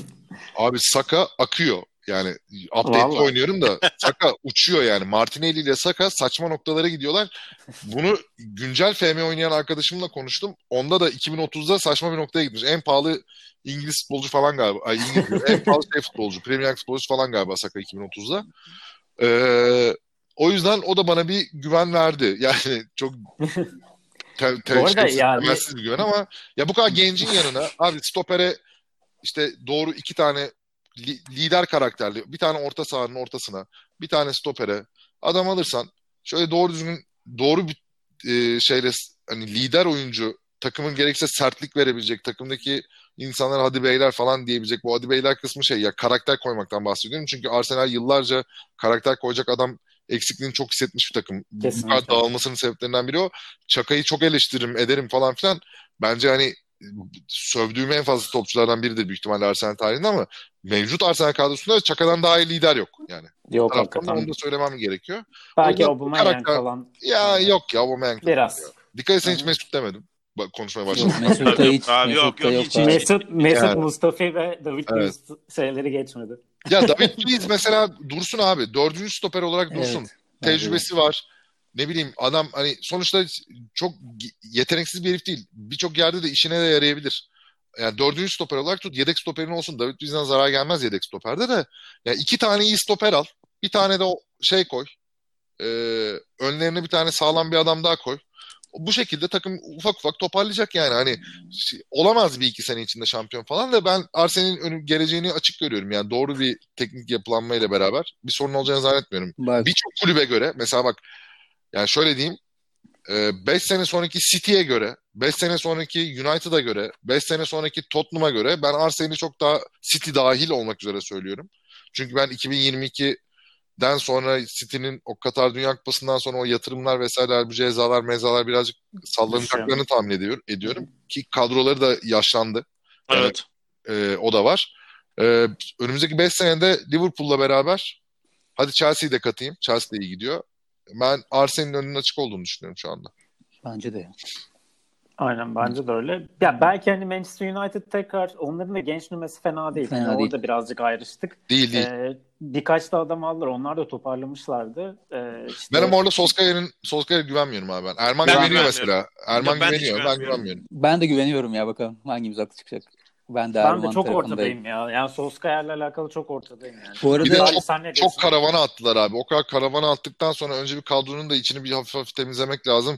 Onlara da böyle nokta Bruno Fernandes gibi falan 2-3 tane daha adam lazım onlara da. tabii tabii. Lazım. Kesinlikle. Ulan Aynen. forveti yok heriflerin mesela bir tane yani. Evet. Önce bir forvet alsın. Bizim stoper yok onların forvet yok yani.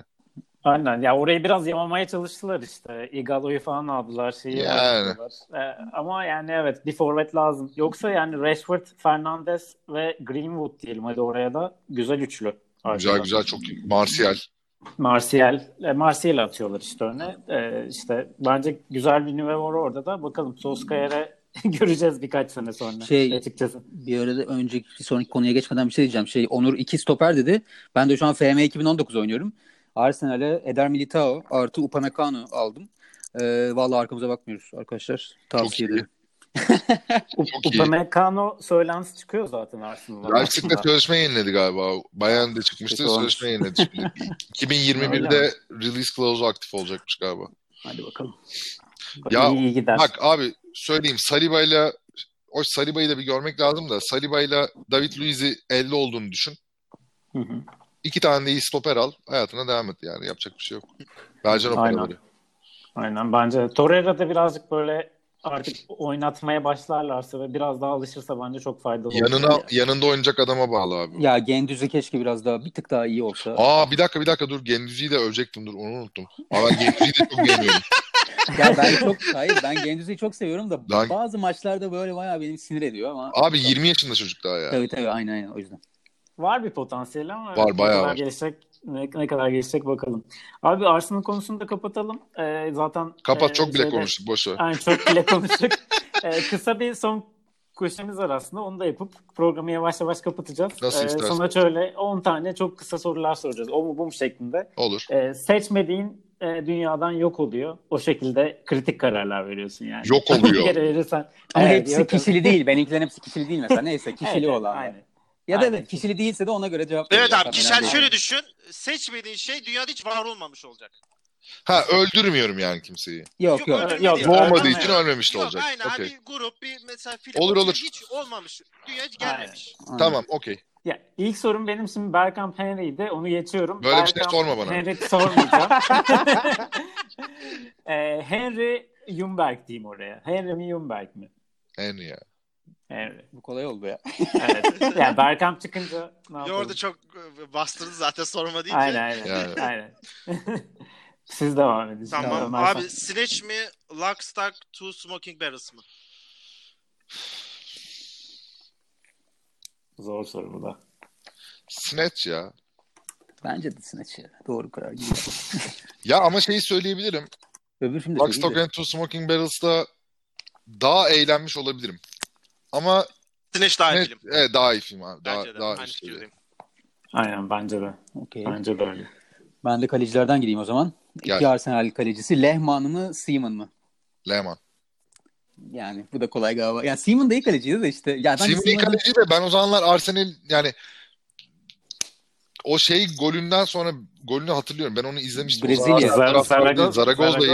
Ben onu Ha. 11 yaşındayken Çanakkale'de tatil, Kurban Bayramı tatili miydi? Neydi artık hatırlamıyorum. bir tatile gitmiştik. Orada izlemiştim abi. O yedi, ben o golü canlı izledim. Yani canlı dedim. Televizyonda canlı izledim Hmm. yani o golü yediğini. Ya o günden beri Simon daha bak Arsenal'li değilim. Simon benim için kaleci değildir yani. Üstüne gitti. Ya Benzeri zaten Ro- Keris 2002'de Ronaldinho'dan yedi. Ha, evet, Evet. 2002'de o gol demedim gitti işte. Evet Aynen. evet. Aynen doğru. Ya çok güvenilir değildi bence de. Bir de tabii Lehman'ın şeyi var yani. Kalecide Alman'dan şaşmayacaksın abi. Alman kaleci. Aynen. Le Leno'yla devam ediyor. Karius hariç. Ka- Karius da şu an dönmüş Liverpool'a Evet, tekrardan. O da bir son dakika haberi olsun. Ee, geçiyorum ben diğer soruya. O, o computer mı In Rainbows mu? Hmm,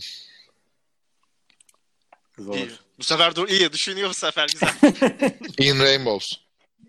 Tamam. Sevin, Yapma. sevindik. Yapma. Ben okey computer'cıyım abi. Abi ya ben de Yok, yok, yani de okey computer'la hani şeyim var ilk temasım ama abi In Rainbows'un benim hayatımdaki yeri biraz daha farklı ya. Ha okey onunla alakalı zaten biraz müzik öyle bir şey ya. Çok Evet, evet, kişisel ve şey ya hani Aynen o, onu da onu dinlerken hissettiğin şeyler falan bayağı önemli. Benim de öyle ya. Ya Reckoner şarkısı e, orada zaten e, en sevdiğim şarkı. Ee, devam edelim. Salih. Abi benimki çok e, kısa sıklıklı bir soru. Bir sabah kalkıyorsun. Ee, ya işte akşam yayın var hazırlanayım falan diyorsun. Kapının altından bir tane zarf atılmış. Tamam mı? Ya bu zarf niye diyorsun falan. Üç tane bilet var. Birini seçeceksin. Sayıyorum. Ama her şeyin ayarlanmış. Yani otel, uçak falan hepsi ayarlanmış. Lakers Chicago var abi. NBA finali 7. maç. Ee, Jordan falan gelecek ama tribünde olacak. LeBron da Kobe için şampiyonluk kupası. Gözleri ateş. İkinci biletin Radiohead... Chicago mu? Evet Lakers Chicago 7. maç. Chicago kimle çıkmış lan finale? İşte yani hayal abi. Ama şimdi burada ben çizdim senaryoyu. İyi tamam. İkincisi Radiohead. VIP en öndesin. Fronttan izliyorsun. Üçüncüsü de Arteta yardırmış şampiyonluk falan Şampiyonlar Ligi de Real Madrid e, Arsenal. Ama bir bakıyorsun üçünde saati aynı, günü de aynı. Hatta bana şimdi şey de dersin sen sevmezsin böyle senaryoda açıklıkları. İşte NBA yerel saati falan farklı. Hayır. NBA diyor ki bu sefer diyor Avrupa dizecek diyor. Onu da prime time'e çekiyor. üçü de, üçü de aynı saatte birini seç. Abi Radiohead'le alakalı bir şey söyleyeyim size. Ben ee, iki, iki kere Radiohead konserine gitmek için bilet aldım. İlk sene gidemedim abi. Hadi Birinde ya. 2012 Rockwerter'den Radiohead konserine geçecektim. Ee, konserden 15 gün önce Radiohead'in Toronto konserinde stage çöktü. Oh. Ve görevlerden biri öldü. Avrupa turnesi iptal edildi. Biri bu. Diğeri e, seneyi hatırlamıyorum. Birkaç sene önce falan. E, Ozan'la bir kız arkadaşım vardı. Bana e, hediye olarak o konserin biletini almıştı. Dört ay önce falan. Ee, şey değil değil mi? NTV Spor'a girmene vesile olan değil, değil, arkadaş değil. değil. O kadar eski değil lan. ee, ondan sonra ayrıldık. Ona da gidemedim. Hadi ya. Ee, o, o bilet, biletleri de isteyemedim tabii ayılık olur. yani, ondan o sonra el, el o da olmadı. O yüzden ben Radiohead'e gidemiyorum abi. Ben Radiohead'e gidemiyorum. Ben eğer Radiohead biletini seçersem başıma başka bir iş daha gelir. Radiohead'i eledim. Ee, düşünüyorum. Abi şeye gidelim ya. Arsenal maçına gidelim ya. Durduk yere Lebron şimdi önümüzde kupon almasın. Güzel mantıklı oldu. Pragmatik bir seçim oldu. Evet. Okey. Ben de şeyden giriyorum o zaman. Abi senin bir pizzacı maceran var. var. Bilen biliyor. Ee, ben de sana hangi pizzayı tercih edersin soruyorum. Ee, bir klasik olarak margarita mı yoksa pepperoni mi? Margarita'yı tercih ederim. Abi işte bence zaten pizza pizzacıların hepsi margaritayı seviyor ki gerçekten galiba hatta benim İtalyan arkadaşlarım var gerçek pizza margaritadır ya diğerlerini salla falan. Tabii abi pizza değil diğerleri ya. ya şöyle e, nasıl anlatayım onu bilemedim şimdi ama ben de ustası veya gurusu olduğumdan söylemiyorum bu arada yanlış anlaşılmasın. Sadece bir tat olarak söylüyorum. Abi sanki bana şöyle geliyor. Bir şeyin içerisine ne kadar fazla şey konuyorsa orada bastırılmak istenen bir şey var. Bence çok mantıklı. yani sen hamuruna, sosuna ve peynirine aşırı güveniyorsan zaten istersin ki ulan insanlar şunun bir tadına baksınlar o kadar iyi dersin. Aynen. Onun üzerine mısır attım, mantar attım, pepperoni attım, salam attım, sucuk attım, domates attım, biber attım. Yani o bana birazcık evet. şey gibi geliyor. Ee, yani yaptığı şey güvenmeyen birazcık onunla kapatıyormuş gibi geliyor. Yanlış da olabilir düşünüyorum ama o yüzden Margarita. Tamamdır. Katılıyorum ben de. Ee, kendi soruma geçiyorum. Oasis mi, Blur mü? Abi bu soruya benim cevabım Oasis. Yani tabii ki Oasis. İnanılmaz. Bir de tabii ki diyor ya. tabii ki Oasis. Ama ben hiçbir zaman ya Blur'ü sevmedim. Şöyle sevmedim. Ee, ya Oasis dinlerdim Ee, Blur'u çok dinlemezdim bile yani anladın mı? Hani hı hı. çok şey değildim. Ben Blur'u dinlemeyi üniversiteden sonra başladım. Gerçekten dinlemeye. İşte Damon Albarn'ı birazcık daha fazla takip ettim. Birazcık daha baktım, ettim falan filan. Nihayetinde geldiğim noktada Damon Albarn fanı bir Oasis hayranıyım ve Blur'u da aşırı severim. Heh, onu yani Blur'u da, Blur'u da ayı gibi seviyorum. Oasis'i de çok seviyorum. Öyle kalkıp da yani Londra merkez doğumlu gibi Oasis için blurcu kavgasına da dahil olacak halim yok. Yani, ikisini de seviyorum. Ya bence Damon Albarn bu arada müthiş bir şarkı yazarı. Belki de son 20 yılın falan gördüğü en iyilerinden olabilir. Ee, şeyi dinlediysen zaten belki de ondan yani Devin Albarn fanıysan The Good, The Bad and The Queen Tabii. diye bir projesi vardı. Bence o Blur'dan iyi yani bu arada her türlü. Ya bir de Gorillaz var. Dinleyen... Ya Tabii onun Gorillaz zaten. kılıyla eee kimdi lan diğeri? Onların Rocket Juice and the Moon diye de bir Hmm. şeyleri var. Hı hı. Eee, projeleri var. Orada Poison falan mesela çok iyi şarkıdır ona bakabilirler. Ama benim için ya Oasis her zaman bir tık öne koyarım. Çünkü dünya tarihinin gelmiş geçmiş en büyük hiti bence Live Forever'dır. O yüzden de hit olarak söylüyorum. En iyi şarkısı demiyorum. Aynen. Ee, ama bir hit olması için bir andı yani. Abi ben Live Forever'ın çıktığı dönemde o bilinç düzeyi yani bunu anlayabilecek bilinç düzeyiyle beraber o Britpop'un Britpop'un göbeğinde o Live Forever'ın çıktığı gün o listelere ilk düştüğü ve radyolarda ilk çaldığı gün o şarkıyı dinlemek isterdim. Çünkü her dinlediğimde aynı hissi veriyor bana hala. Aynen ben de katılıyorum. Ee, burada ayrışmadık yine. Ee, Son iki Salih soru sen kaldı, de. Salih. Evet. Ben son sorumu sorayım. Ee, abi Sokrates ekibi olarak Euro 2001 davet alıyorsunuz. Olay yerinde izlemek için. Tüm uçak Sokrates ekibi dolu. Sonra bir portal oluyor. Uçak yok.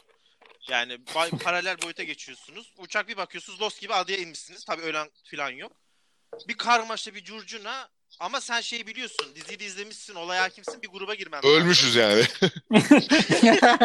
Bir bakıyorsun abi. Finali o kadar Karşında- kötü değil. ya karşında iki kişi var. Emre Özcan geliyor işte taktiksel konuşuyor. Şöyle yapmamız lazım Onurcuğum. Bak böyle kurtuluruz filan. Bir de Erman Yaşar geliyor. İşte kardeşim öyle değil o filan. Birine katılmak zorundasın. Hayatta kalmak için hangisinin grubuna katılırdın? Uçak düşmüş. Uçak düştü ölen yok ama birine katılman lazım yoksa Others'lar gelip kaçıracak seni. Yani kesinlikle bir gruba katılman lazım. Uçak kalkabilecek halde mi? Emre Özcan diyor ki ben uçağı tamir edeceğim diyor. Yani Ya konuşuyor. Bir şey derdim de. evet aynen. Bence dedin abi. Ya, Abi Lost tamir gibisin. ederim. Evet. eee, Erman Yaşar da ben SOS yazacağım kardeşim kocaman diyor lastiklerle diyor. Erman'la. Erman, Erman'la takılırım. Tamam. Erman'ın Erman'ın planı daha realist zaten abi. Daha realist abi. Yani Uçak çok tamir ya uçağı nasıl- neyi tahmin ediyorsun abi düşmüş ya. Aynen. Ee, Ya düşmüş ya tamir etseler de ben bilmem düşer diye. Yok yok. Bir, bir daha düşer aynen. Yani Okey. Ben o zaman zaten galiba son soru bana kaldı. Aynen. O zaman ben de hiç konuşmadık İzmirliliğinden. Onunla ilgili bir şey sorayım. Ama öncesinde şey soracağım abi. Sen İzmir'e gidip en son Hakkı'yla ne zaman takıldın? ne zamandır? Oluyordur iki sene falan. Ha, okey. iki sene bir şey değilmiş ya. O zaman sana soruyorum. Çünkü eskiden yoktu yani Bostanlı diye bir yer doğru düzgün de. Bostanlı mı Alsancak mı şu an? Şu an Evet. Bostanlı. Değil mi? Tabii. Aynen. Bunu İzmirliler anlayacak sadece burasını ama evet artık Evet. artık Bostanlı is the new Alsancak diye ben Aynen, burada aynen. Ya şu anda şöyle söyleyeyim. İstanbul dışında bir yerde nerede yaşamak istersin diye Türkiye için konuşuyorsak Hı hı. eee, yani Bostanlı'da yaşamak isterim. Güzel yer. evet. Urla'nın biraz boku çıktı ama Yani o taraflar fena değil ama şehre de çok uzak olmak istemem. O yüzden Urla, Urla'nın daha ilerisine gitmem. Ama Bostanlı iyi ya. Bostanlı iyi. bence de. Dün de Dünya İzmirler günüymüş abi kutlu olsun. Allah razı olsun Aa, kardeşim. vallahi İyi ne- süpermiş ne- ya. yani Güzelmiş. Vesileyle buradan. göre Aynen. seçmişler bunu? Bizimkilerin böyle gerizekalı hareketleri var ya. Gidip böyle en alakasız şeyde kendine paya çıkarmak gibi. Demişler bugünü yapalım demişlerdir. Evet abi o birazcık hakikaten dile de düşmeye başladı ya. Onu Abi biraz İzmir toparlamak milliyetçiliğinden lazım. nefret ediyorum ya. Evet ya. abi al benden de o kadar ya. Vallahi nefret ilgili ediyorum. en büyük en büyük problemim olabilir. Yani. Abi birisi bana boyoz övmesin ya. Ulan 18 sene yedim ben de. Yani hamur lan. Boş hamur abi. Yani neyin neyin şovunu yapıyoruz ben anlamadım. Tam o isimler konusunda da bizim çok üstümüze geliniyor. O ayrı konu da. Evet Yani bence de. Ya bu arada bir sistemimi ileteyim. Abi ben 18 yaşında 2002'de İzmir'den çıktığımda İzmir'de bomba diye bir şey yoktu abi. Şu Abi anda İzmir- İzmir'in efsane tatlısı bomba diye bir şey satıyorlar. İnadına da daha yemedim. Çok. Sırf Ben bu yedim. yüzden yemedim. Abi geri zekalılar da İzmir'deki salaklar da bunu benimsemişler. Abi bomba bizimdir ulan. Tövbe yarabbim. Hiç böyle bir durum yok. Evet. Beyler bize haber gelmedi yani bomba bizimdir diye yani. Evet abi o tam, o tam İzmirli hımbıllığı işte. Abi ben mesela şey İstanbul'daydım geçen 3 ay önce hayatımda ilk defa ve İzmir bomba yazıyor kocaman. Ya ben de İzmirliyim abi bu neymiş İzmir bomba falan diye yedim. Sarhoş kafaya yani hiç hayatımda içemediğim bir şey bir daha da yemem herhalde. Bu arada onunla ilgili de gördüğüm en saçma şeylerden biri de çok alakası olacak da söyleyeyim bari kapatırken. Abi bu Beşiktaş'taki eski başbakanlık şimdi Cumhurbaşkanlığı ofisi var ya. Aha. Hı. Abi önünde böyle polis şeyi var zaten. Böyle karakol gibi bir şey var. Giremiyorsun. İşte Evet. giremiyorsun şu an işte özel harekatlar, macal harekatlar falan inanılmaz korunan bir yer. Tam karşısındaki bina ne biliyor musun abi? Böyle Ne ayı abi? gibi yazıyor. 2 metreye 5 metre. Bombacı Fatih yazıyor abi karşısında. Abi. Yani ben onu gördüğümde bir bombacı. Fatih'e bakıyorum. Sağa dönüp sonra sola dönüyorum oraya bakıyorum. Ve Abi bomba fotoğrafı iyiymiş. var ya. Bomba görseli var yanlış hatırlamıyorsam. Bombanın olsu falan böyle pimi patlayacak bomba gibi. Ya ulan diyorum ne yapıyorsunuz ya? Yani hangi Abi. cesaretle sen geldin buraya bunu astın bu tabelayı astın. Ay, gerilla, Helal market, olsun. gerilla marketing diye bir şey var ya. Yani tam o ya. İnanılmazmış hakikaten. Büyük Bakacağım cesareti varmış Fatih Bey'in. Ta- ya takdir ettim Fatih Bey arkadaş. ben. Evet, de bizi bizi dinliyorsa buradan ben de selam Evet, yolluyorum. selamlar bombacı Fatih'e.